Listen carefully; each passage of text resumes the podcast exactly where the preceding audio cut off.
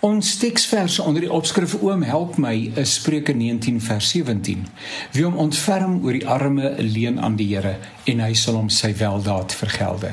Die Bybel sê dat die duiwel 'n inbreker en 'n dief is. Hy het net een agenda en dit is om die lewens van mense te verwoes en hy slag uitnemend daarmee.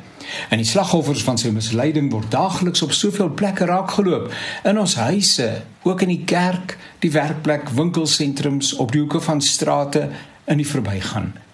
En my bedoeling is nie om enige iemand te na te kom nie, inteendeel. Ons is almal uit genade gered en wat my en jou staande hou, is tog niks anders as die Here se genade en trou nie.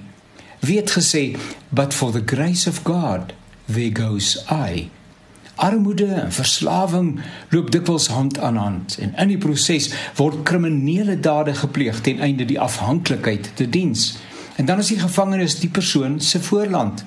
En dit mos nou algemene nuus dat die gevangenis meer dikwels 'n plek van oorlewing is as enigiets anders.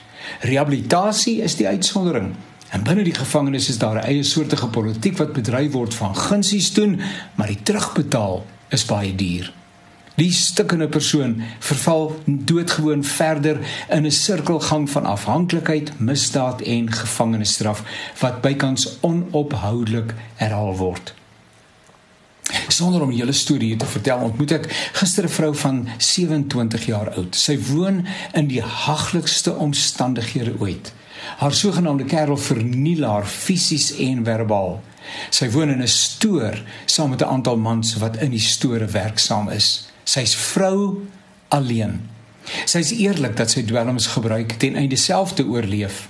Haar afhanklikheid het veroorsaak dat sy nie by veilige hawens welkom is nie. Haar familie is almal vasgevang in dwelmafhanklikheid. Trane vloei oor haar wange. Oom, help my asseblief. Ek moet hier wegkom. Hy het gesê ek moet my goed pak en loop. En ek worstel. Waarheen? Ek weet niks van haar af nie behalwe hierdie plotselinge ontmoeting. Ek weet nie wat waarheid en wat leuen is nie, maar ek wonder is is trane nie altyd eg nie? Ek sal vandag probeer navraag doen oor hoe sy gehelp kan word. Nie omdat ek spesiaal is nie, inteendeel, ek sou verkies om nie hiervan deel te wees nie. En dalk net soos jy, ek vra. Maar dan weer wonder ek, Wat word van die mense wat sê, wat vra, wat smeek?